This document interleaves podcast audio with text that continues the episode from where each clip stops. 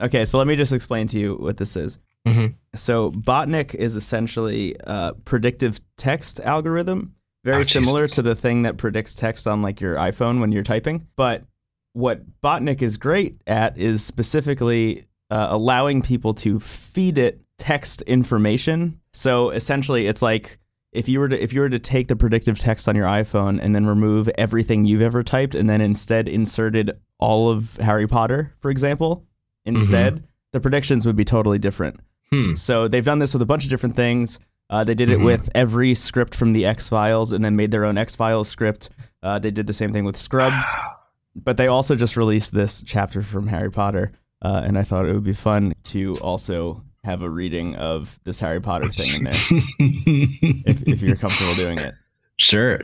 Uh, let's do it. Incoming Christopher Morris reading Harry Potter and the portrait of what looked like a large pile of ash. Chapter 13 The Handsome One. The castle grounds snarled with a wave of magically magnified wind.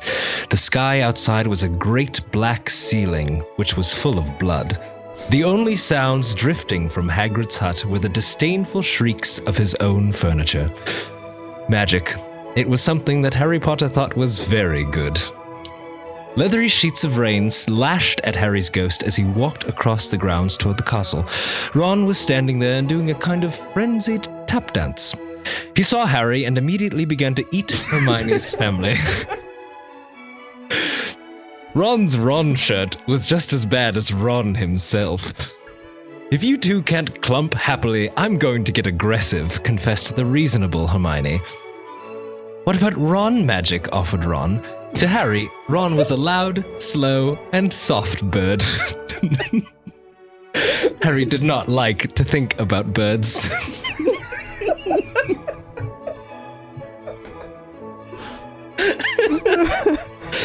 Death Eaters are on top of the castle, Ron bleated, quivering. Ron was going to be spiders. he just was. He wasn't proud of that, but it was going to be hard to not have spiders all over his body after all is said and done. Look, said Hermione.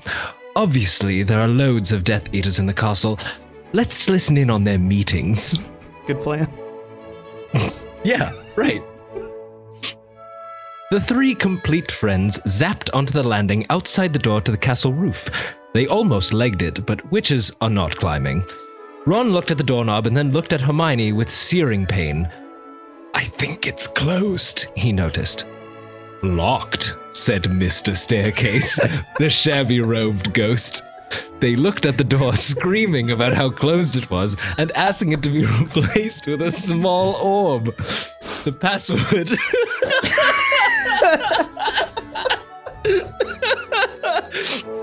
The password was beef women, Hermione cried. Harry, Ron, and Hermione quietly stood behind a circle of Death Eaters who looked bad. I think it's okay if you like me, said one Death Eater. Thank you very much, replied the other. The first Death Eater confidently leaned forward to plant a kiss on his cheek. Oh, well done, said the second as his friend stepped back again. All the other Death Eaters clapped politely. Then they all took a few minutes to go over their plan and to, to get rid of Harry's magic. Harry could tell that Voldemort was standing right behind him. he felt a great overreaction. Harry tore his eyes from his head and threw them into the forest. Voldemort raised his eyebrows at Harry, who could not see anything at the moment. Voldemort, you're a very bad and mean wizard, Harry savagely said. Hermione nodded encouragingly. The tall Death Eater was wearing a shirt that said, Hermione has forgotten how to dance. so Hermione dipped his face in mud. Ron threw a wand at Voldemort and everyone applauded. Ron smiled. Ron reached for his wand slowly. Ron's the handsome one, muttered Harry as he reluctantly reached for his. They cast a spell or two, and jets of green light shot out of the Death Eaters' heads. Ron flinched. Not so handsome now, thought Harry as he dipped Hermione in hot sauce. the Death Eaters were dead now, and Harry was hungrier than he had ever been. The Great Hall was filled with incredible moaning chandeliers and a large librarian who had decorated the sinks with books about masonry. Mountains of mice exploded.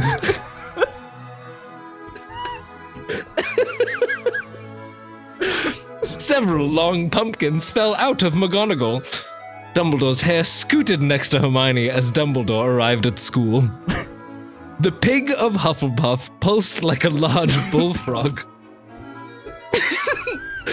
Dumbledore smiled at it and placed his hand on its head. You are Hagrid now. We're the only people who matter. He's never going to get rid of us, Harry, Hermione, and Ron said in chorus. The floor of the castle seemed like a large pile of magic. The Dursleys had never been to the castle, and they were not about to come there in Harry Potter and the portrait of what looked like a large pile of ash. Harry looked around and then fell down the spiral staircase for the rest of the summer.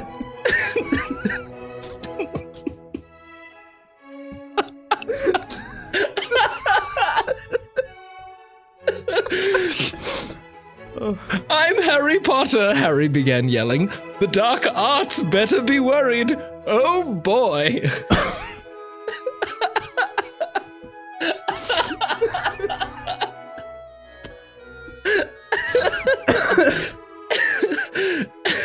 Oh, That was chapter 13 of Harry Potter and the portrait of what looked like a large pile of ash.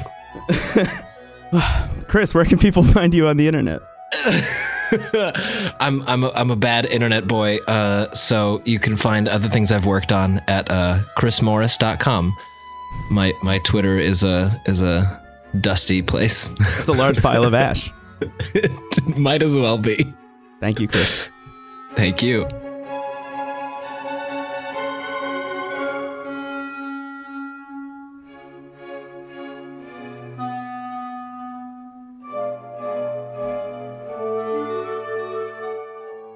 Hello, and welcome to Anchor Presents the Internet, the show that injects the best of internet culture directly into your ears. It's kind of like jacking into the Matrix, but instead of a strange metal device that gets inserted into the back of your neck, all you have to do is turn your volume up. It's a little bit easier, a little bit simpler, a little less horrific, a little less horrific. I just rewatched all the Matrix movies recently, by the way. They're all on Amazon. They're all on Amazon Prime. You can watch them all. They hold up surprisingly well. Three is still bad. Three is a bad movie. But one is still good. Two is better than I remember it being. If you have any interest in watching The Matrix, highly recommended. Today on the show, I'm going to talk to Dave Altarescu about AirPods, headphone based AI, just a whole slew of things.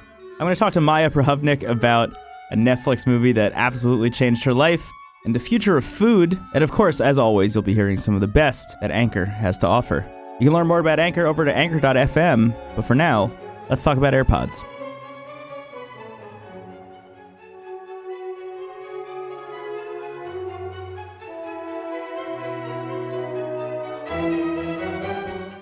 Hi, Dave.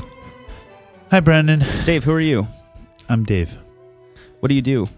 Um, I exist on planet Earth. That's good. That's a good start. Do you want to get a little bit more specific? Okay, fine. I live in New York. Uh huh. Um, I weld on the weekends. Yes. And during the week, I work at Anchor. Yes. One of your most notable qualities, I would say, is that you wear AirPods. really, Brandon? yeah, That's I think it's. that's very rude.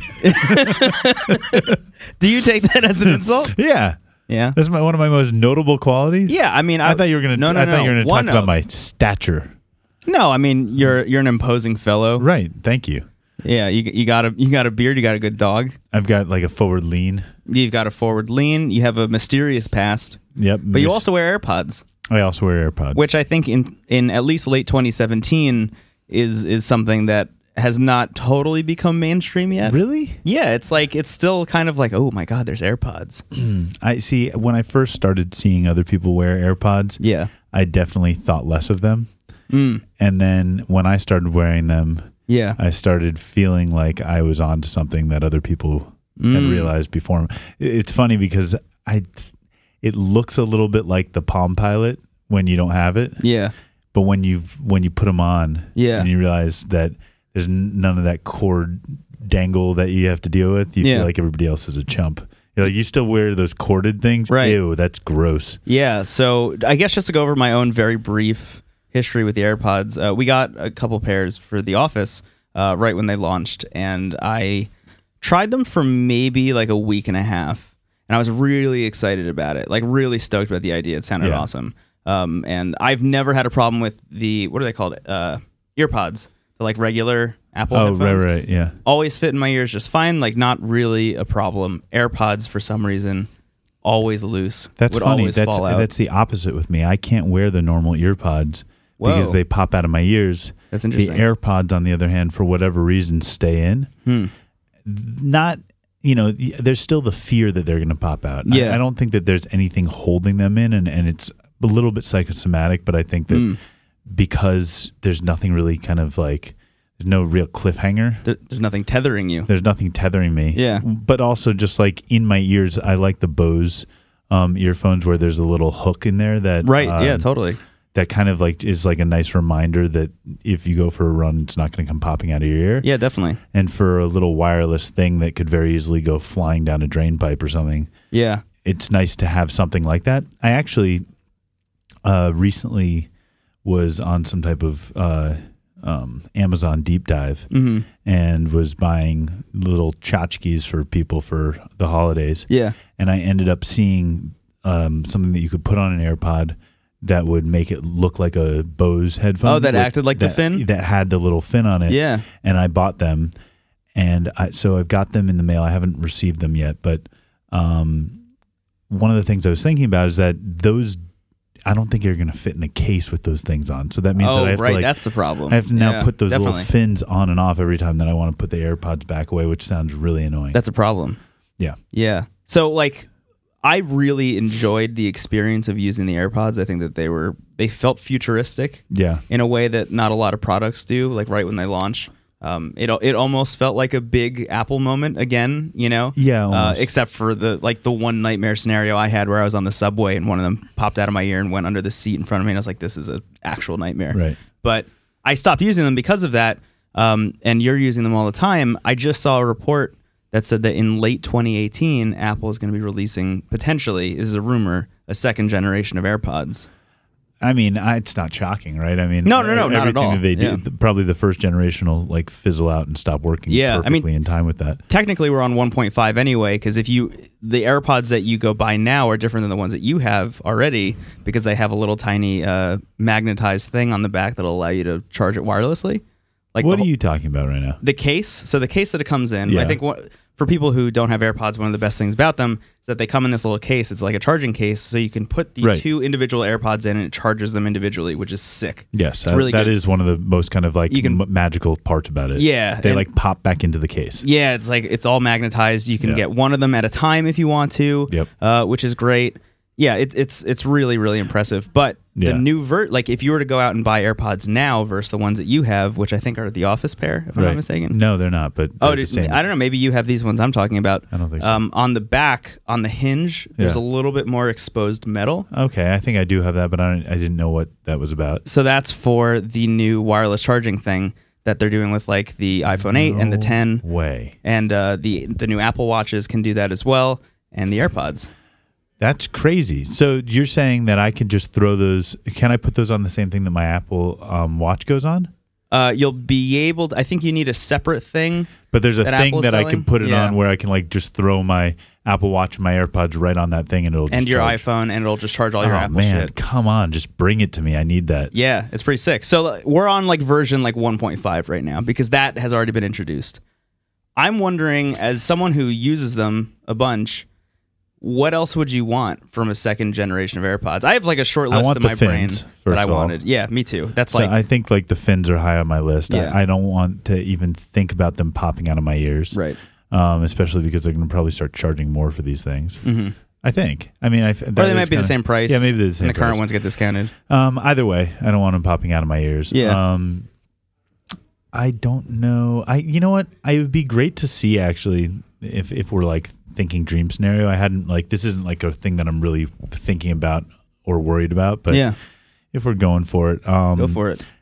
I would love to have different styles because there is you know the in ear ones that are you know good for everyday use, commuting, whatever. Yeah. How awesome would it be to have like some awesome high fidelity over the ear earpod AirPods that kind of like are like earmuffs almost. Mm-hmm. Um, but I guess that I mean, but like maybe that are individually kind of sitting over each ear, So you want like bigger immersive, like immersive take over my ear. Yeah. I don't want you know. that's interesting. So you want like full cans that are. I'd like them as I mean, an option. are those not just Beats? No, because I think that, you know you still have the thing that goes over the top of your head like ear muffs. I feel like it'd be nice if they're individual Oh. things over each ear. Oh, I hear what you're saying. So you want cans without the band right, going over Cans- or behind can- your head. Yeah, I want cans, no band, Uh huh. Bandless cans. bandless cans. uh huh. Um, I don't know. That sounds interesting. How would how would those attach to your head? Suction cup. I don't know. okay, so so in your in your ideal future, Apple releases uh, hi-fi over ear headphones That suction that cup. dude. suction cup or vacuum I, maybe you know what? to your face. Here's what's missing from the AirPods aside from so it's good for certain use cases. yeah. But if I want to fall asleep on an airplane, Mm-hmm. it's kind of nice to have um, something that cuts out all the you know outside noise. Totally. Um, what would be nice about this that I think would be different than some of the like wireless Bose that I've had in the past Yeah.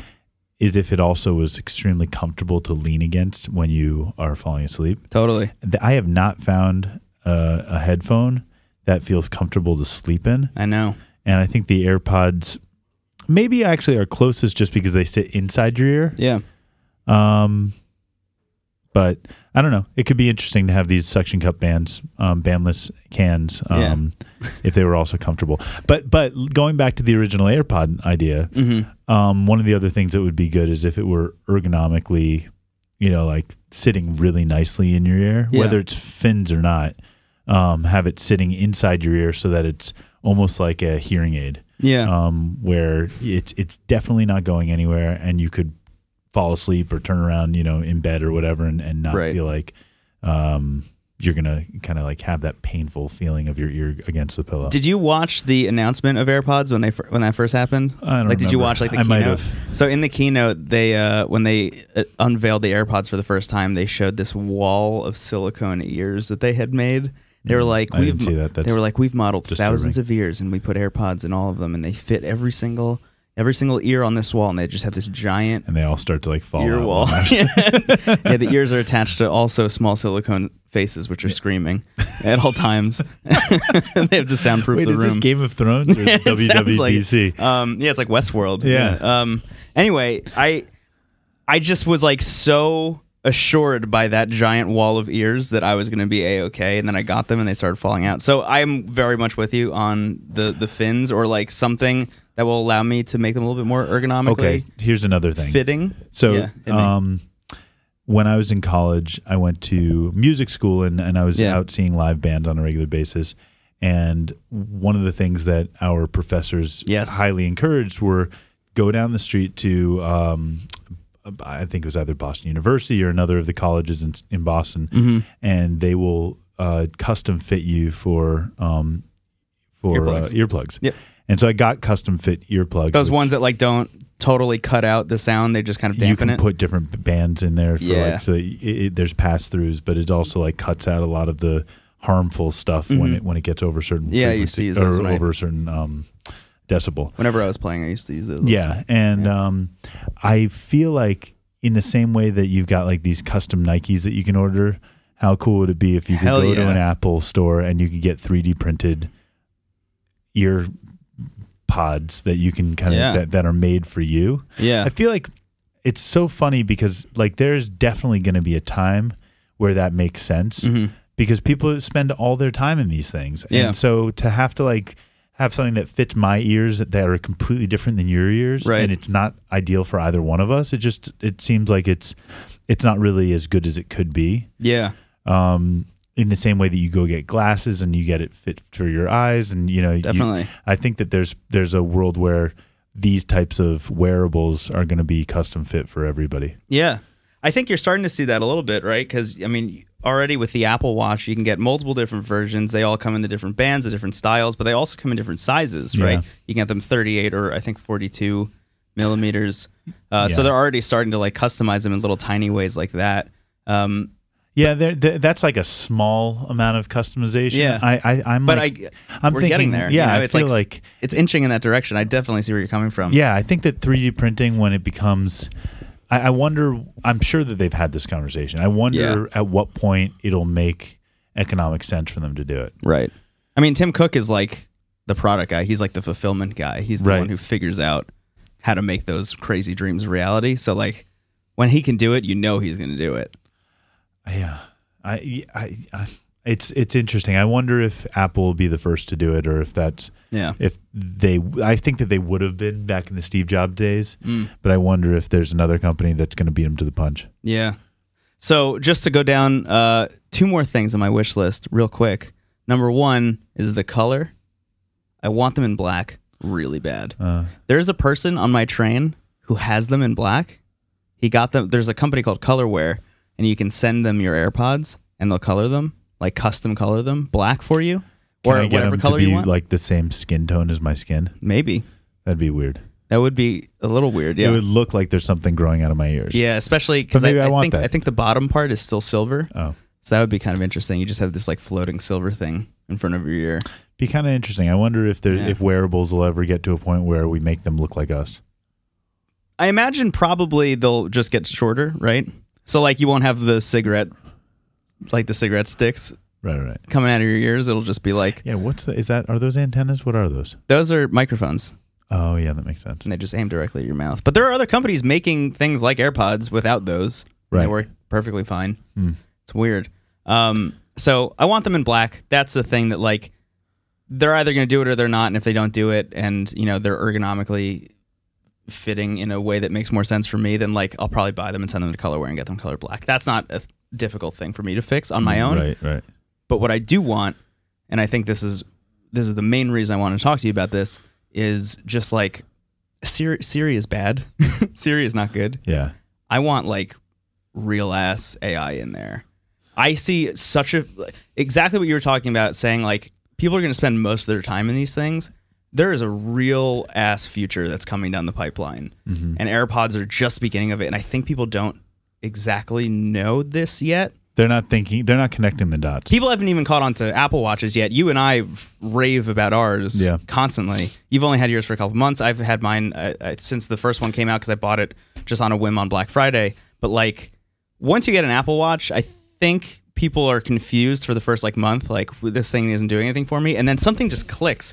Once you wear it every day for like a month, it's like you can't live without it at that right. point. Yeah, yeah. No, it's true. It's it's uh it becomes a lot better option than having to pull your phone out every single time. Uh, Once you, direct the right to- notifications, Totally, you come to expect it um, Yeah. for certain things. I'm setting my timer all day long um, for different things. Um, yeah, I agree. I, I like I like having the Apple Watch a lot. I also feel like I think that the AI thing is is absolutely like one of the bigger um, innovations that everybody's been kind of waiting for. yeah, I wonder how soon that's going to come. I, I like I'm. It's funny because it feels like. Tell me if maybe I'm just pessimistic or not thinking about this the right way. yeah. It doesn't seem like Siri has made that many big leaps or bounds since it launched. They're all very small. Right, like it's subtle. I I, I don't notice a big difference. and they never announce it. It's all it's always just like, oh, Siri can answer a question that it wasn't able to answer six months ago, but you would find that in like a comment section somewhere on a, on a forum. It's not like Apple coming out and saying like Siri can do this now. Right. In the same way that like every time a new Amazon Echo comes out, they're like, guess what? Alexa does this and integrates with this. And every time Google has their big product unveilings, it's Let's- always like Google Assistant can now control your TV. Isn't that amazing? Let's crack the code on this for a second because Sure. like I I don't know what I feel like is missing, but I feel like a lot's missing. Mm-hmm. Like a lot of times, I'm asking Siri a question, she doesn't understand what I'm saying, Mm-hmm. um, which is frustrating. Yeah. But I don't know what. I I guess the question is like, what do I want her to do that she can't do? Mm-hmm. What do I need Siri to do that isn't possible right now, aside from just answer random questions that I have? Yeah. Um, Well, some of it there's like a hierarchy thing where like, okay, Apple doesn't let you uh, mix Siri with Spotify. One of the main reasons I'm using my Pixel now is because Google Assistant can control Spotify. Yeah, but that's a business choice. Let, let, let's focus on No, the but stuff. that's that's like an integral part of my life. I use Spotify more For than sure. any other app, and the fact that Siri can't access Spotify for me Yeah, is totally. maybe the biggest reason that I no, that annoys me too. But but I'm thinking like, what are the what are like the actual technical limitations that are going to un, unveil themselves? Yeah, And and to me, it's uh it's the little nuance. I think that I heard some stat about like Siri can get ninety percent of it right, but it's the ten percent that really counts, or something like that. I don't Mm-hmm. Yeah, yeah. remember if that's the actual. that seems to be the thing with like all AI. Like Elon Musk says that all the time with the self-driving Teslas. It's like Right. you know, right now it's at eighty percent, and that last twenty percent is going to take us fifty years to figure out. yeah, it's wild. Yeah, Um, but I but maybe it's not about answering questions. I want her to actually do stuff for me. I, I think that that's probably where it's getting at. Like, yes, Anticipatory, right? in a like, way. yeah. So the novelty of, of Yeah. Siri originally was you can ask her any question, but then it's like, okay, I don't want to ask her questions. I because I can I can Google that pretty easily. Yeah. What I want her to do is actually like solve problems for me. Mm-hmm. And so for me, a lot of times it's like. I'd much prefer to talk to Siri, like schedule this meeting for me. yeah. And there are AI um, services that do that. I just don't know why they're not connected to Yeah. Siri or Alexa or anything. And when things. you say that, it's not just like, okay, I've added this to your calendar. It's like I want you to reach out to this person. Get the yeah get figure out a time that works for both of us, Mm-hmm. s- schedule the meeting, maybe even like set do a reservation at this place. Yeah. Like it, there's there's a number of different steps that it requires, Yeah. and I have seen virtual assistants that can do some of that stuff, Yeah. but they're also not the same ones that you talk to. Right. So I'm wondering why there's that disconnect between I'm talking to you and I'm saying something to you, and then you're going to solve this multi-step problem for me. So there's a very specific reason why Siri can't do that. It gets a little bit blurrier with Google and Amazon, but the reason that Siri can't do that is because Apple has taken a very user privacy centric approach Mm. to building Siri. So Siri is not accessing anything related to your privacy or information. Like they are just accessing great if you what's on your phone. Decide when you want that and when you don't. Yeah. Google, on the other hand, I mean, they're just like free reign. Like, I open up my phone sometimes, like, I'll open up Google Photos and it'll be like, hey, here's all the pictures you took of your friend Callie. Do you want to contact your friend Callie and like send them to her? Like, because it recognizes her face, awesome. it knows her name is Callie, and it says, like, you can send her all these pictures that you took. Like, that's a really cool thing. But that also means that you're giving up a little bit of your privacy. You're letting Google like a little bit more access, which I'm perfectly okay with, but some people aren't. And uh, Apple, like as a company, is not okay with that. Right. Yeah, it's interesting. It seems like with with AI, you kind of need to, um, beyond being a novelty, you kind of Yeah. need to like b- get over that hump. Yeah. But what if Siri was like, "It's your sister's birthday in two weeks. Start thinking about what to get." Or like, or, Or, like, even here's, suggesting here's some things. suggestions, Yeah, right? Like right? here's some things like Yeah. you want any of these things, and you're like, yeah, I'll, I'll take this, you know, th- number three, and they're like, okay, cool. like, why doesn't Alexa do that? Right? All right. That's such an easy way for Amazon to sell more shit. No, totally. That's the whole reason Alexa exists in the Yeah, first see, place. That's see, I'm wondering like if I think that that's probably as we talk about it going to be the next wave of all of this stuff Mm-hmm. is like how can we anticipate some of these things that you're going to want yeah. based off of like other um, things that we're you know um, st- uh, f- data that we're seeing Yeah. um, and how do we uh, get better at solving problems as opposed to just answering one-off questions Definitely. or or like taking a task and then answering it right there Yeah. it's interesting it's it's uh th- there's something about time that has to do with it as well hmm right it's like i can answer this question for you right now Yeah. but moments later i'm not going to remember anything about this Right. as opposed to i get to know you better and better dave Yeah. and every time that we talk, I'm going to use the data that you've given me yeah. to help be better for you. So what's interesting is Google is trying to solve that problem, but not in the way that you're talking about. So they'll do a thing where it's like, uh, okay, how old is David Spade? You know, and it'll say whatever. And then I could ask instead of, okay, how tall is David Spade? I could say how tall is he because it Right. has that context of the last question that I asked. But that's not what you want. I mean, that's I'm that's like one on- step in the right direction, Exactly, but it's also like I don't. Part of AI and part of the value of of having artificial intelligence Mm-hmm. is that it's not you know it's somebody getting to know you that doesn't have any agenda beyond helping you Right. and if it's somebody new that you're talking to every single time, you might as well be on like one eight hundred number with like Yeah. somebody who, who doesn't know you. It's it's not Totally. as helpful as it should be. And I think we'll get there, but I, I wonder if the challenges are primarily around privacy versus actual bandwidth and Yeah. capabilities. Yeah. Uh, yeah, like how much of that can run on your phone and how much has to be sent to a server and like Right. Like like like that? if we were to if if the world was a place where we didn't have to worry about all of the law, yeah. would it be able to do a lot more than it's currently doing? Yeah. I mean that's that's when you get into the situation where people just start getting freaked out about it, you know? Like I think I think we've kind of skirted around the the part of AI that scares people, but I I think you and I are kind of on the same wavelength where it's like we could get a lot of use out of this if it's introduced in the right way. Yeah, I want it to. I like. I, really I, want want it. to help my life. Yeah. You know, um, I watch Iron Man, and I'm like, I want that robot to help me build stuff. Hell yeah. You know, Yeah. I want to have the ideas, and I want this guy as like a helper bot. Yeah, the first time I watched her, I didn't realize it was sad. I thought that that movie was like sick. I was Yeah. like, wow, a, a movie that loves technology. Right. That's amazing. I want that.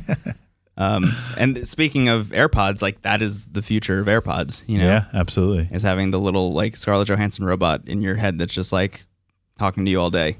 Yeah, that's uh that th- there's a point where it does become disturbing because I think that when it makes your life your empirical real life Yeah. better, Yeah. I'm on board with all of this stuff. Mm-hmm. Um, in fact, I'm like excited about all of it. Yeah. When it, when it gets to the point where it's like instead of living here, you should live in this made up space that that you know Steve Jobs built for you. Mm-hmm. Just live there instead. Yeah. Just spend your time on Earth, not on Earth, but actually in this little virtual world. Mm-hmm. That's where it starts to become kind of like, all right, well, you're not even really living your own life anymore. You're living somebody else's like rendering of life. Yeah. I think that's another conversation for another day, Dave. Okay, well, why don't we have it sometime? I would love to. All right, cool. Cool. Dave, thanks for dropping by and Thanks talking to me about having AirPods. That's all we talked about. We just covered AirPods. We just talked about AirPods. That's all we wanted to talk about. Mm-hmm. All right, goodbye. Goodbye.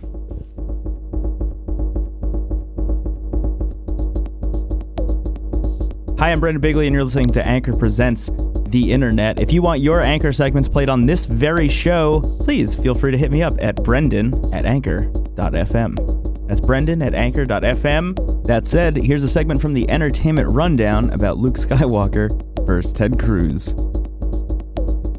Mark Hamill and Ted Cruz got in a Twitter fight about net neutrality, and here's how it all began. Mark Hamill replied to a video released by FCC Chairman Ajit Pai, in which Pai wields a lightsaber and tells everyone that net neutrality repeal is totally rad, dudes. Hamill then tweeted, quote, cute video, Ajit, but you are profoundly unworthy to wield a lightsaber. A Jedi acts selflessly for the common man, not lies to enrich giant corporations, end quote. Then Ted Cruz decided to hop on because he famously loves a debate, and it's not like he's risking the popularity he does not and will likely never possess. Cruz tweeted, quote, Luke, I know Hollywood can be confusing, but it was Vader who supported government power over everything said and done on the internet.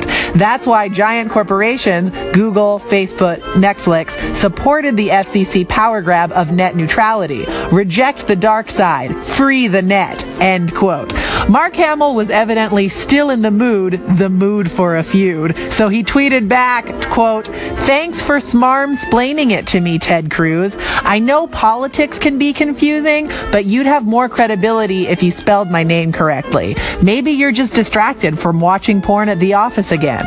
Love, Mark Hamill. End quote. At this point, I would like to propose that even though the Ted Cruz porn fiasco is pretty good fuel for a burn, we need to leave it alone and let our mind's eye try to wash itself from the very suggestion of Ted Cruz as a sexual being.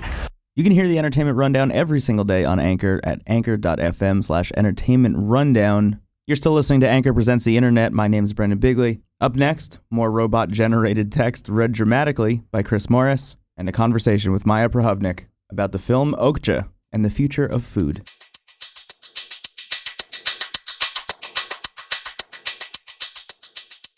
Okay. Botnik presents a history of Thanksgiving. I think it's a children's book. At least that's what it looks like. Okay, that's fun.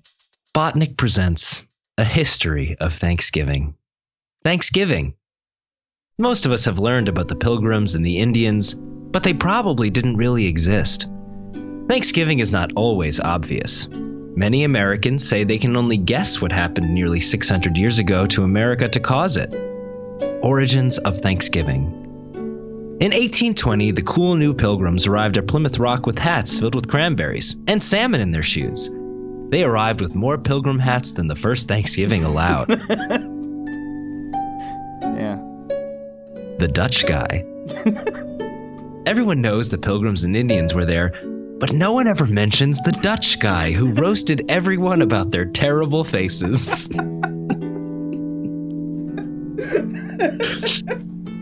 Squanto Johnson arrived on the Mayflower after almost a week of evolution. Squanto helped popularize the Thanksgiving story about how thankful everyone was to be able to understand symbols. the death of God. Oh shit. Many times during the 1800s, Thanksgiving was effectively a blanket draped over people who proclaimed themselves special. As a result, God had effectively been murdered by a question Fish salad or Universal Thursday? George Washington never farmed turkeys, but he publicly admitted to eating at least some bones that came from turkeys. Hail to the chief.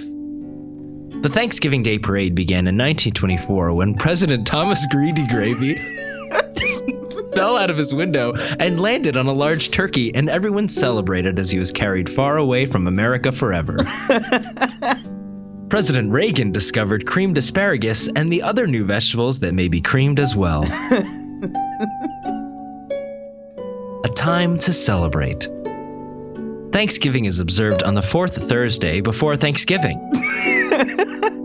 With a chicken nested inside an altogether other animal, the celebration begins. Thyme berries and team salad are traditionally served before the crucial bird.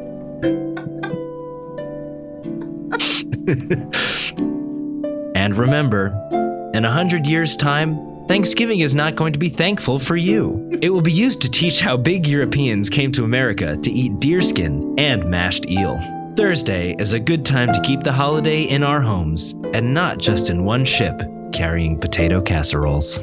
That was the history of Thanksgiving by Botnik. I mean, it's it's a good thing we finally recognize Squanto Johnson and his his importance. As the the pioneering uh, founding father that he was. Uh-huh. Introducing us to the crucial bird.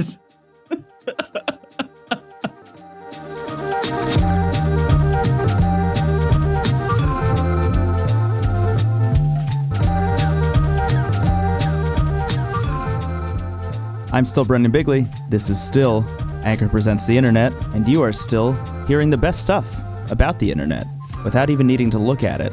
It's almost like magic. Up next, I'm going to talk to Maya Prahovnik about the future of food.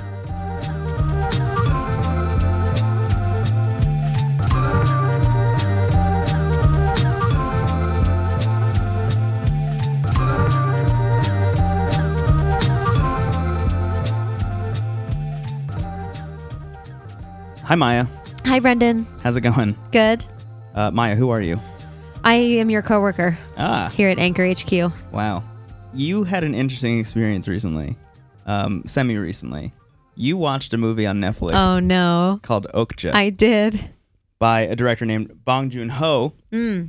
who uh, is, I, I think, best known in the United States for making Snowpiercer, the Chris Mhm. Evans movie uh, with Tilda Swinton, I think was in that. Yep. Um, that that movie's wild. I think it's on Netflix still. If you haven't seen it, go check it out. It's very good. Very Um, good. Okja Also good. is also good. It's a movie about super pigs. Mm-hmm. How would- how would you describe a super pig? Uh, it's like a I don't know. It's sort of like a big pig mixed with a maybe like a Like a No, like a hippo, or like, a hippo. rhino? yeah. Um, but it's but it has like the personality of a dog, yeah. It's interesting, and it's delicious. and it's delicious, and that's kind of the important point is that they're breeding these super pigs to try and uh, quell world hunger. Mm-hmm. Right? Is like if we can make enough of these super pigs, then we can feed the earth uh, with a lot less uh, impact on the global economy and and uh, global energy uh, resources than just like natural farming. Mm-hmm. That's kind of the idea. But a little girl who uh, is very close with and grew up with a super pig. Mm-hmm. Um, basically goes on this wacky adventure. Not wacky at all. it's a very upsetting a ad- very upsetting and Yeah. terrifying adventure um, into a factory where they process these uh, pigs, Yeah. super pigs. Yes, correct. Did you see it? I did see it. Okay. And you walked away from this movie saying that you weren't going to eat meat anymore. Yeah, I my husband and I were crying the whole time. I think part of the problem is the the pig. You've met my dog. The pig reminded us a lot of our little dog. Oh. And so part of the problem with you're basically seeing this girl raise this pig from a, a puppy essentially into a, a, a super pig. Yeah. Mm-hmm. Um, and she falls in love with it, and it's her best friend. And then all of a sudden, it gets taken to a factory. And so I think we it was a little too close to home because our our dog looks like a little piglet. Yeah. Uh, and so we were crying the whole time. And at the end of the movie, well, probably before, probably like two thirds of the way through the movie when it gets really dark. Yeah. Uh, we started being like, wow, like uh, we super don't want to eat pig ever again. Yeah. Um, and by the end, you know, I don't want to give any spoilers, but it gets very graphic. Um, And I, th- I, I do think the whole thing is obviously supposed to be like commentary on humans eating meat and and that whole thing. Yeah. Um, and so we said we weren't ever going to eat meat again. Uh, and I, I guess now I eat meat maybe like once a week or something. But I, I mean, I, you know, I used to eat like beef every single day. Yeah. Uh, and so going from that to like maybe once a week is was pretty extreme for me. Yeah. You you kind of um, use the whole 30 I think as a way of like easing into that, correct? No, the whole 30 you eat nothing but meat. Oh, really? Yeah, so back in January I was eating only meat. Oh, wow. So okay, you're doing the whole 30 again soon. Yeah, I'm a little worried about it. That's going to be kind of rough then. Yeah. Interesting. Interesting. I'm going to eat a lot of salad and fish. I feel I don't feel bad about fish for some reason, but Yeah, I've never I've never seen a film or like watched.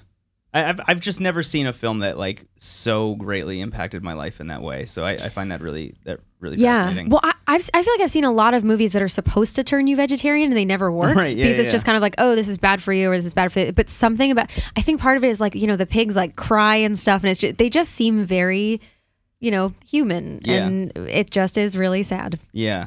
Um, I, I, I won't, I promise this is not a spoiler at all. Um, but there's a moment in the new Star Wars that I think like kids 30 years from now might look back on wondering why they're vegetarian and like go rewatch Star Wars and be like, oh, that's the reason I'm vegetarian. Is it that what's it a porg I don't want to say anything. warg? What's that thing called though? That thing is called a porg. Okay, Yes. okay. Yeah, yeah. yeah. Um, which actually, weird side note, uh, those were apparently invented because uh, the island that Mark Hamill has to train on is Luke Skywalker uh, is like just infested with puffins, and they weren't able to get the puffins out of the shots, so they had to CG them into porgs. Are you serious? That's so cool. They created them out of like necessity because there were all these like puffin feet in, in the shots. That's amazing. Yeah, isn't that nuts? Yeah. Also, Um, puffins are my favorite animal. Oh, really? Yeah. Oh, you're gonna love pork. um. Anyway, so the reason I'm asking all of this and just kind of like getting all this background is um, I feel like one of the things that I've been hearing about just forever, uh, but is starting to like really kind of have a groundswell movement on the uh, like business end, not in like the public consumer end, but like more in uh, companies trying to bring this to market. Is this idea of like fake meat Yeah. like lab grown meat and like plant based meat, um, stuff that is not coming from animals at all. I'm just wondering, like, is that a thing that you're interested in? So, like Tyson, Yeah. who's known for making like I don't know shitty school chicken lunches. like, I just remember having like really Yeah. bad like Tyson Chicken nuggets, yeah. when I was in like fifth grade. Um, they just invested really, really, really heavily into a company that makes lab grown meat to try and like bring like they figured out a way to mass produce it and bring it to and is market. that and do you think that's because more people are turning vegetarian? I think it's kind of like twofold, right? It's kind of one of those situations where, you know, they're serving a market that they weren't able to serve before, and also it's cost effective, Right. a lot easier for them, And good for the environment. and good for the environment. So they they win on a PR front Yeah. in multiple ways because good for the environment, and also you know vegetarians and, and vegans uh, Yeah. will have something that they'll be able to eat, and then also um, it it lets them scale back on like actually producing meat, which means Mm-hmm. you know just a whole host of different logistical things you have to worry about. yeah. Um, so I'm wondering, on your end, I- this might be like a weird, uncomfortable question. Um, It's actually something I've thought about a lot Yeah. because I so before I be, I don't call myself a vegetarian. I call myself a flexitarian, which is a word that someone made up, but it means you eat whatever you feel like, basically. Um, every word is a word that someone made up. That is so true. Wow, that was really deep. Um, but I, I used to think about this all the time because I was a, very much a meat eater, and I would, you know, have friends who were vegetarians who would eat like veggie burgers or whatever, Right. like the fake chicken or whatever. Um, and I always thought that was so silly because it was like it doesn't taste that good. Yeah. And you're like, y- you know, what's the point? Just eat like vegetables if that's what you're into. Mm-hmm. But now, as someone who re- like, I really have a hard time now eating meat, and I feel it like makes me feel gross and sad. Um, and so I, the idea of being able to have a burger that didn't come from a cow is really compelling to me Yeah. like I I don't know. So I haven't really like taken that step yet because I've been part of the whole 30 is like it taught me about um eating whole foods and all that stuff. Yeah. So like all of that fake meat is very like, you know, packaged and chemically and whatever, but um I do think it's something that's appealing. For people who don't know, maybe go over what the whole 30 is because we've referenced it a whole bunch and Yeah. they might not know. I first of all, I'm thrilled that you're asking because everyone is so tired of hearing me talk about the whole 30, so it's always nice to have an excuse Well, now to you can it. introduce a whole new I know. audience. to It's true. 30. It's true. Okay, so the whole 30, you've probably heard about it. It's a very extreme diet. Basically, you do it for 30 days and you give up alcohol, dairy, grains, uh, sugar, and legumes. I think that's the whole list. There might be something Those I'm forgetting. I know that that's a weird one. But so basically, so all you can eat is meat and vegetables and potatoes. You can have potatoes. oh, okay. Yeah, which is nice. I like potatoes. Starch. Yeah.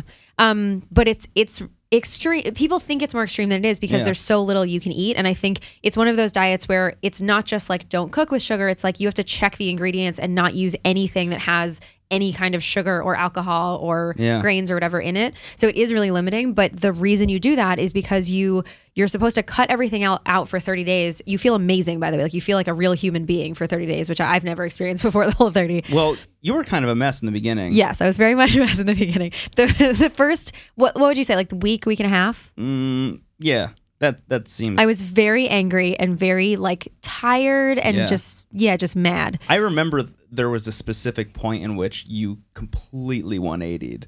And like got happy. Yeah. Yeah. It was like unbelievable. I, well, and that's what they always. I forget what it's called. There's a there's a phrase for it. Uh, not tiger. bl- I think it's called like wolf blood or something. I forget. But that's the moment when you wake up and you're like, oh my god, I'm a superhero. Like you have so much energy. Yeah. You like you look amazing. You're skinny. You're like you don't snack in between meals. You're like happy all the time and social. You sleep amazing. Like you lay down in bed and just fall asleep immediately. You're making a face like you can't even imagine that world. no. Yeah, you're. Yeah, right I- now you're I sort of the opposite of all in that. 25 years. You know, yeah. Uh, yeah, I'm so it's vampire. so so you did you want to talk more about that? I would love to talk more about my vampiric lifestyle. Yes. Maybe in the next episode. Yeah, yeah. Um anyway, so it feels really extreme because people are like that's not healthy. You can't just stop eating all that stuff. Right. But the reason that it works, the reason it's called the whole 30 is because you only do it for 30 days. It's not intended to be a long-term like dieting strategy. That would be a bad idea. Yeah. But the thing that's cool about it is then after the 30 days you start adding those things in back in one at a time. Yeah. So you could I think for me I added cheese back in because I really like cheese, but so it's like right after the 30 days you start slowly adding that stuff back in and you Right. see either cheese doesn't make you feel great or you're fine and then you can keep eating cheese. Yeah. But I think like it helps you identify the things that for me it was mostly alcohol and sugar. Yeah. That's wild. Yeah. So, in a future in which um, all of the meat that is being provided by major meat companies uh, is fake in some way, shape, or form, would you still be like, I need to go on the whole 30 and, and or I guess in that case, it would be all meat anyway. Well, I don't know because I don't know if that would be whole 30 compliant unless it's only made out of vegetables because if it has any That's a good point. yeah. Well, some of it is like literally lab grown meat, like with Yeah. using like actual reproducing Right. meat cells. I think that would probably be whole 30 compliant and I I sort of feel like that would solve both of my problems because like I feel like I could eat that all year. Yeah. Do you can I get some before this January because that's going to be a problem for me. I don't think so. It's not like available yet. No. But it is a thing that is being heavily invested in and they're trying to bring it to market as quickly as possible. Like this this is a very near future thing. Like we could start seeing articles about like this being on shelves within Do the you next like do you think that this will be a thing that really changes how people eat or do you think this will be a thing like Soylent where it's like people get excited about it for a second but then don't actually want fake That's kind of what I'm wondering. Like Yeah. I, I I really don't know if the implications of this are going to be as big as they are in my head because in my head it's just like, "Oh, I mean, why do you even like why why get meat the regular way or Yeah. not even the regular way, like the shitty way that we get it Right. now. Like I'm a person who eats a lot of meat, but like I fully recognize that it's shitty. Uh, at, at least I have a lot of friends who are vegan and tell me that it's shitty. Yeah. like I know that. Um, but I would rather eat it if it came from a lab or Mm-hmm. was made out of you know vegetable proteins or something. If it tasted indistinguishable from the thing that I was already eating, like I wouldn't really care. Yeah. I know? just feel like it's going to be the kind of thing that like people who don't understand or like science are going to really reject. Oh yeah, I mean you already have the GMO thing, right? Yeah. Like, it's gonna be that on like a whole nother level. Yeah. It's like, oh, what are they? What are they injecting well, and it's into right, and meat? it's it's gonna feel. I think the idea of like because it just this is a really dumb question. Do they, no dumb questions. They just how do they just because with normal meat you, you have to grow an animal and then kill it and Yes. then inside there's meat. Yes. When they're growing meat in a lab, are they just growing like a hamburger? uh, as far as I know, yeah, that's kind of So how it just works. it just like turns into hamburger meat. yeah. Well, it turn, yeah, it turns into like hamburger meat that then, then you know form into patties later. Right. But like, it's not it's not like growing in like a circular. It's not a cheeseburger already. shape. Yeah, I remember I saw. I don't know. Wendy's has been going off on Twitter, and people are like, "Wow, Wendy's has the best Twitter account of all time." That's been like a thing that's been happening a lot Yeah. recently. But um, I saw this one thing that was like, "Yeah, why do you guys have square I saw yeah, I saw burgers?" yeah, it was like, "Why do you have square burgers?" And and Wendy's was like, "Like cows aren't cows don't come in circles." Yeah. dude. Like, what do you Yeah. think McDonald's is doing? It was so good. Yeah. Um, but yeah, I, I think as far as I know, it kind of grows as like just this like mass. It's like a meaty mass. Right. and then they just Because I feel like you're going to get the it. thing where people think it's like un like unnatural and sort of like growing life that wasn't meant to be, you know. The, yeah. But if it's just a hamburger, Isn't that so strange how like every potential cool future thing I know. and, and maybe this is just like my weird futurist brain, but like every potential cool future thing, you can already see the articles from the people Yeah. like the naysayers, you know? It's like self-driving cars. Okay, well, you know, one of them's going to hit someone someday uh, and like then they're going to go away for like 10 years while people figure out laws. Yeah. To like put in place even though maybe that person that got hit like jumped into the like you know like there are all these weird things where you can see the hangups already and that is definitely going to happen with this lab grown meat thing Yeah. it's definitely going to be like the same like gmo crowd like the anti-vaxxers and stuff they're going to be like really pissed off about lab grown meat yeah, but what about you I'll eat it. yeah i think i'll eat it too Yeah, you definitely will. I, i'm going to fucking go for it thanks for coming by maya You're welcome.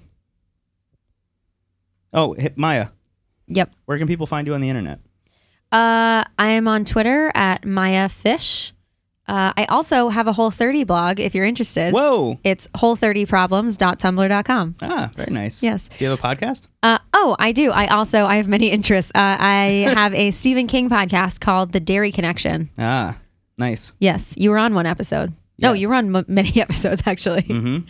Yeah. Behind and in front of the mic, Yes. The secret ghost of the Dairy Connection. Yeah, that's yeah. Um, serious question for you: Are you going to do Whole 30 with me in January? Hell no. Can you try for like a week? It's not that bad. I don't know if I'm capable of it. you are capable of anything. I am. I'm barely capable of functioning like an adult human on a daily basis. This will make you function better after the first week and a half. Okay. I know you're not going to do it. Uh, well, I'll try. Okay. You're. you know what? You put me in this position. We're live on the air, I know. and I have to commit one way or another. I'm gonna say yes. I'm gonna say yes, but I'm Well- gonna need a lot of help. I'll help you. Yeah. But are you saying yes, but knowing that you're not even going to try for one day? No, I come from a long lineage of attempts at doing very strange things like this. That's the thing. I feel like you would enjoy the ridiculousness of it. Yeah. Well, I, I don't want to like call out the whole 30 and say this is ridiculous, but like I I don't know why this was a thing, but a friend and I years and years ago used to give ourselves like 30 day challenges all the time. There were just weird things. Like we, we would just hear about like this weird like self-help improvement thing online like okay, uh, keep a glass of water next to your bed and do it for 30 days and you just drink it. This is the first thing you drink every uh, as soon as you wake up in the morning. It's the first thing you do is you drink that glass of water apparently helps your metabolism in some way, shape, or form. Uh, you put cinnamon on top of grapefruit. We did that for 30 days. Don't know why. That was our breakfast, but like we did that. That apparently also helps your metabolism. Like all these little weird things. The whole 30 seems like something that I should try. I thought you were going to tell the story of your Steve Jobs diet. I could tell the story of my Steve Jobs diet. Um, The worst thing you've ever done. it's maybe the worst thing I've ever done. Uh, one of one of my friends uh, had an empty room in his apartment, and they needed someone Just like to Steve Jobs. just like Steve Jobs, and they needed someone to stay there for. this is so stupid. they needed someone to stay there for one month. so I was in the middle of reading the Walter Isaac. I was not done reading, which is an important note. I was in the middle of reading Walter Isaacson's very long uh, Steve Jobs biography, uh, and I had gotten you know to the part where he basically moved into. It it was a whole house. It wasn't just one room and apartment like I had, but it was a whole house where he didn't have any furniture except for a lamp, a mattress, and a turntable. Uh, and I was like, I'm gonna do that. That sounds great. so I did that. I, I took their apartment for the month. I moved in with a mattress and a lamp and a turntable and a bunch of records. Um, and I said that I was going to do his diet as it was outlined in the book, which was essentially just like eating apples and celery and carrots um, and only drinking water, uh, or not eating anything and then sometimes breaking fast with celery when the sun goes down. Well, I thought there was one other thing you could have sometimes. Is that it? Um, it might have been like nuts. I think it. Yeah. Okay. It might have been nuts, But only occasionally or something. yeah, only occasionally. Uh-huh. So I like stocked up on all that stuff. Um, You stocked up on just celery. just all of that. Yeah, yeah. Yeah. yeah. Uh, and I did this for maybe a week. Um, I I quickly found out that Ashton Kutcher tried doing this on the set of their Steve Jobs movie uh, and was hospitalized. Yeah. because it almost killed him. There's also, I mean, it's kind of like a widely accepted fact at this point that this is the reason that Steve Jobs ended up passing away was because of this wild diet. Um, he had a, a lot of weird affectations for like strange diets and the things that they did. He read this book from like the 1800s that said that if he ate a certain diet, that uh, he wouldn't have body odor, his body wouldn't produce sweat, and he wouldn't be smelly, and he wouldn't need to take showers or like bathe or anything. Um, which he tried doing and then got fired from Atari for like Smelling smelling horrible. so yeah. bad. Uh, very weird. But anyway, I did this for maybe a week and a half total before I really started to feel like I was potentially passing Like what- what- to another to another fucking What happened to you? I I got like unbelievably skinny in like a week and a half. Yeah. I mean, I was just a mess. I was just a mess. I wasn't sleeping. Like I couldn't I couldn't do anything. I just felt sick. Like I literally felt sick for a right. You were half. starving. I was starving myself. Yeah. For real. Yeah. Um yeah. So, So I- that's the Steve Jobs diet. Uh, I did it for a week and a half. It was really, I do not recommend it. Um, asterisk, asterisk. Yeah. Uh, do not attempt. Do not try this at home. yeah. Uh, I'm Brendan Bigley, and this is Jackass. The, that sounds like the opposite of Whole 30, and I think that you will find Whole 30 much more conducive to life yes. than that. I love, I love life. I love living. Yeah. I love the number 30. Uh, and I love when things come in 100% form. Okay. oh, I get it. Okay. okay. I figured it out. Uh, and if we're both doing it, we can share snacks at the office. Oh, good. Looking forward to that too. Yeah. Cool. Okay. Thank you, Maya. Thank you. Bye.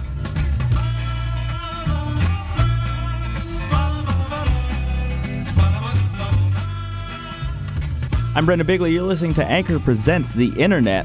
What a wonderful thing it is. Actually, the internet's kind of terrifying and bad, but it's also the best thing that's ever happened. Anyway, moving on. Up next, we're going to hear from Jeff Kanata and his show, Newest Latest Best. He recently asked for call ins, asking for people's top five games of all time. And here's what his listeners had to say.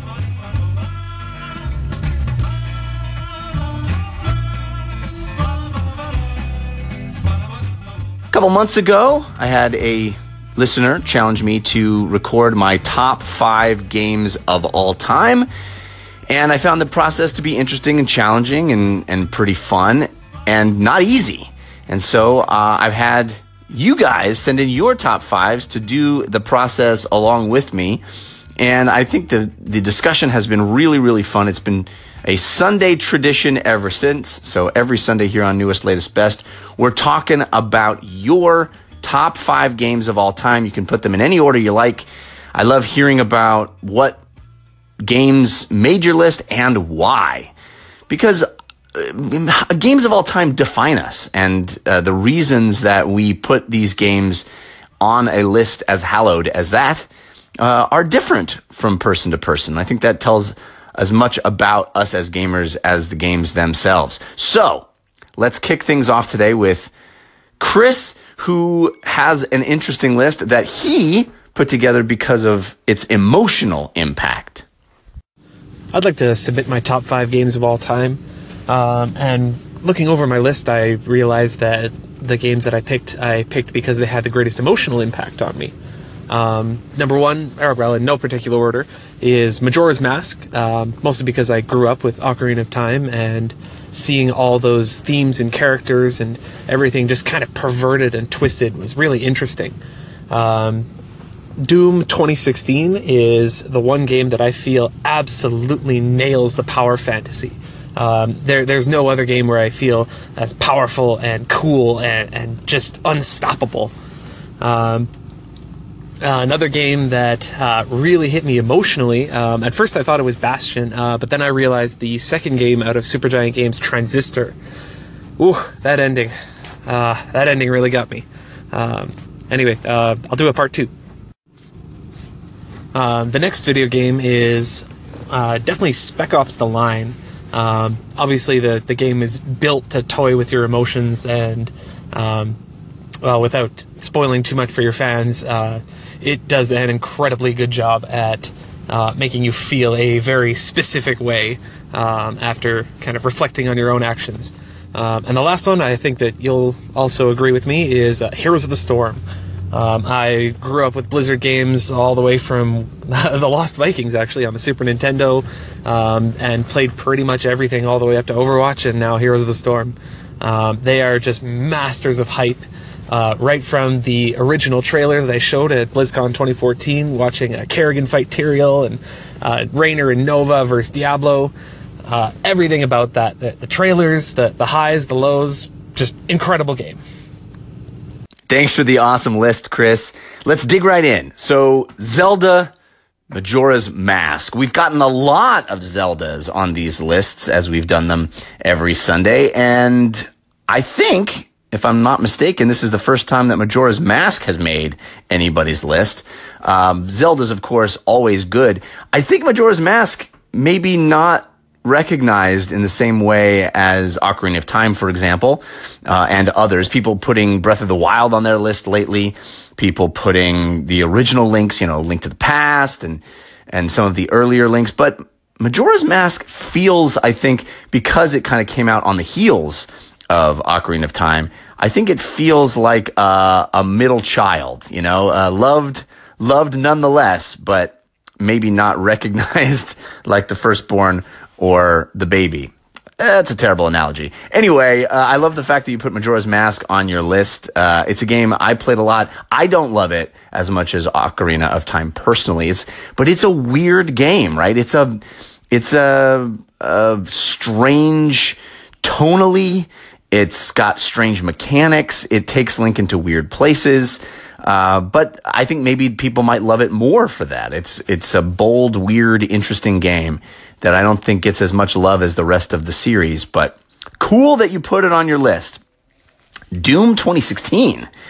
Uh, that is an interesting choice as well. A very recent game, obviously. But yeah, it does uh, get the blood pumping. It is a game that thrusts you into the fight and uses its mechanics to reinforce that intention to reinforce the need to be front and center, leaping into the fray, uh, attacking like a mad person.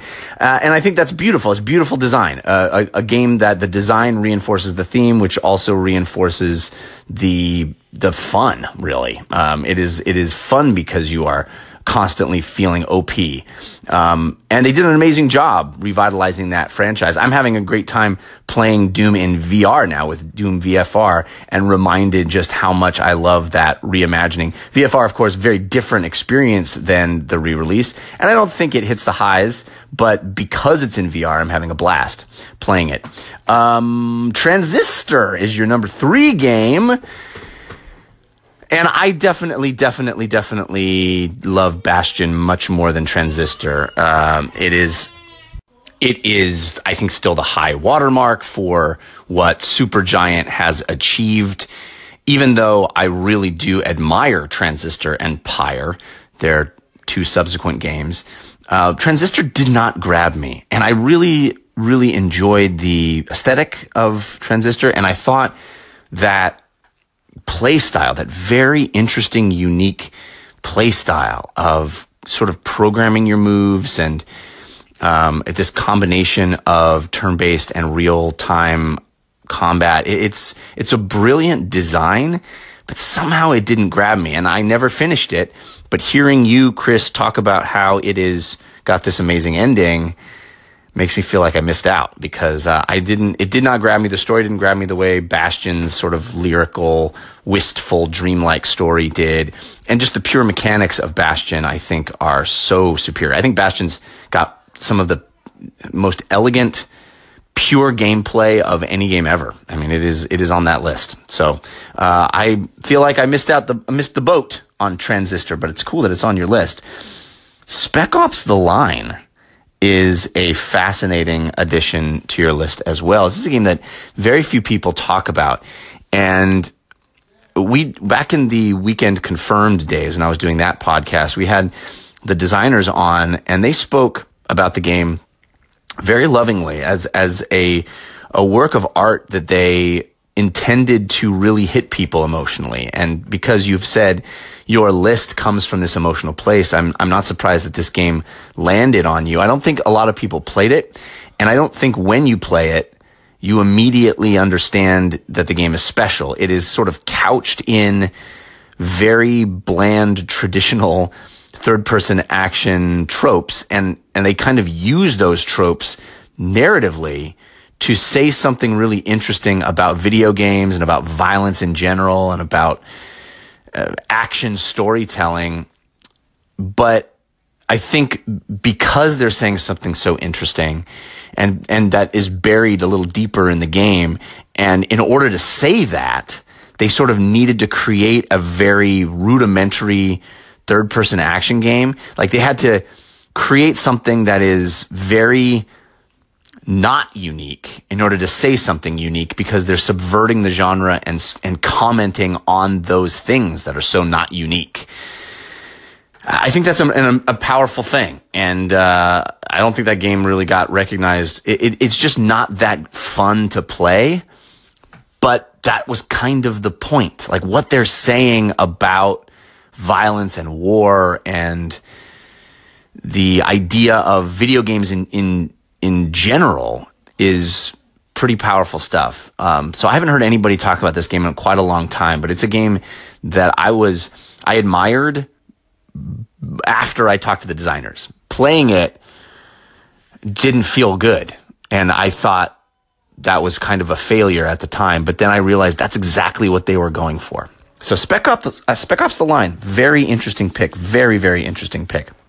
And then of course you hit me right in my feels by going with Heroes of the Storm. Of course, my favorite game. Spent all yesterday's episode of Newest Latest Best talking about it and its new patch, so you probably don't want to hear me talk about it again. Suffice it to say, I agree with you that Heroes of the Storm is awesome and powerful and magical. And for me, better than other MOBAs in the same way you're talking about. I think it's better mechanically than other MOBAs, personally, for me, more fun, but also on that level of special narrative experience, special emotional experience, because it is a bunch of characters that I've loved throughout different games for decades, literally, and them all mashing up into this weird, fun Super Smash Brothers style all star lineup thing is fun. It's it's cool. And when a new character is announced for League of Legends or Dota, I'm sure people who are super fans of those games get really excited, but I don't think it's the same kind of experience that a super fan like me and you, Chris, get excited when Heroes of the Storm gets a new character because it has all of this pre-established expectation. Like the fact that Overwatch characters behave the way Overwatch characters behave inside a top-down MOBA is pretty amazing. Or, you know, a character like Diablo works the way it does. It's awesome. So great pick. Next up, a very cool list from Joe. Hey Jeff, this is Joe from Herndon, Virginia. Thought I'd chime in with my top five. Uh, so here we go. Number five, uh, MLB The Show. This is just sort of standing in for the fact that I'm a baseball junkie. Um, I really enjoy the flick the stick mechanic in sports games. Uh, it's one of the reasons I kind of fell off everybody's golf. It just feels more authentic than the three button click. Four, KOTOR 2, A Glorious Mess. Uh, so many great characters, and the ending just feels like a complete fever dream. Number three, Okami, the better version of Twilight Princess. Number two, Oblivion. This is my gateway drug into uh, Bethesda RPGs and had one of the great DLCs of all time, The Shivering Isles. And number one, Resident Evil 4. Not much more to say on that, except the Wii version is the best version, and Evil Within 2 feels like the RE4 sequel I've been waiting for years for. Thanks, Jeff. Awesome list, Joe. Thanks for sending it in. MLB The Show. Um, definitely not a sports gamer, but I recognize the fact that a lot of people have praised MLB The Show as an excellent version of baseball. So kudos to that. Knights of the Old Republic 2, though. I'm very surprised. This is the first time I've heard a KOTOR on anybody's list that they've sent in. Um, just a masterful version of uh, taking an IP and doing something unique and special with it. Great mechanics, a deep, engrossing storyline, going to a place that's more interesting than almost anybody else has done with that IP. And what better time to talk about KOTOR than on Star Wars weekend, right? We got a new Star Wars movie in theaters. I know it's polarizing to a lot of people. I loved it, but uh, I think that what Rian Johnson has done with Star Wars is is about as bold as what Bioware did with Star Wars. Uh, you know, it it kept its hands uh, Bioware that is kept its hands off the the jewels of the the the royal uh, the royal crown jewels of of the main characters, but still I think was bold and interesting and pushed the IP into new interesting places. So KOTOR, KOTOR 2, I don't know if I put 2 above 1. I'd have to go back and replay both of them. I can't remember. Hard for me to differentiate them at this point, but uh, very cool pick. Okami. Wow, Okami. Uh, he said a better version of Twilight Princess. Um, that's cool. I, I really dig that game. It's actually getting a re-release. I think it just this week or last week got a re-release uh, in HD again uh, for current gen consoles. So if you haven't played Okami, give it a shot. It is definitely a Zelda S game, but much different uh, stylistically. Very cool design for o- Okami. Oblivion is a great pick. Oblivion was the first game on Xbox 360 that I got a perfect gamer score on. I played that game so much. I did everything in Oblivion. And I do think if it weren't for some technical drawbacks, just, you know, being an earlier release than Skyrim, it, for me, it's a better game than Skyrim. I think it, it suffers a little bit from just technologically comparison to uh, to Skyrim, but I think it's a better game than Skyrim. I think it's a more interesting world. I think the quests are cooler. I think Oblivion is the best uh, Elder Scrolls game for me as well. So cool there too. Resident Evil 4. I, I'm surprised you say the Wii is the best version. Does everybody think that? Am I just out of the loop on Resident Evil 4? I thought the GameCube version was the best version. Did the Wii version have big improvements? I, th- I thought they just added waggle. What am I missing on Resident Evil 4 on Wii? I never played it on Wii. I only played it on GameCube. So, what did I miss? Uh, I know Resident Evil 4 is an amazing game, and you're right, not much more needs to be said, but uh, it, you know, it changed a lot of things about the way third person action games play at all. But uh, I just am surprised that it's the Wii version that's the best version for you. Anyway, very cool list. If you want to send in your list, send it to um, uh, the use the Anchor app. You send it in using a call in. The call in button on the Anchor app is very easy to use. Just click it and you can record your voice and we'll keep doing these. Also, we're doing top three games of this year, which I'll start digging into next week uh, more heavily as we move closer to January. Um, I would love to hear your top three games of the year, including or additionally a game you think nobody else is talking about.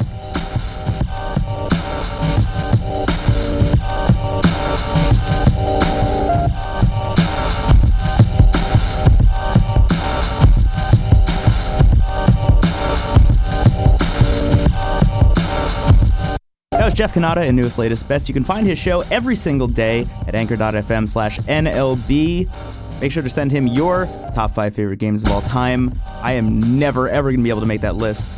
Uh, if I if, if you put me on the spot right now, which I'm putting myself on the spot right now, uh, I would have to say Fez is number one. Uh, maybe Hotline Miami is number two, and then after that, it all just it's a it's a nightmare. I have no idea what I would do after that. But those are probably my top two. Anyway, if you want your anchor show segment or episode played on this show, all you have to do is email an email address I haven't invented yet. Uh, so if you are listening to this test episode, uh, maybe in the feedback doc, just let me know how you think we should uh, let people submit their own stuff to maybe uh, arrive on the show. But that said, uh, that's it for today. Got some cool stuff coming up tomorrow. Uh, some fun interviews lined up uh, between tonight and tomorrow. So looking forward to that. And uh, yeah, have a good one. My name is Brendan Bigley. This has been Anchor Presents The internet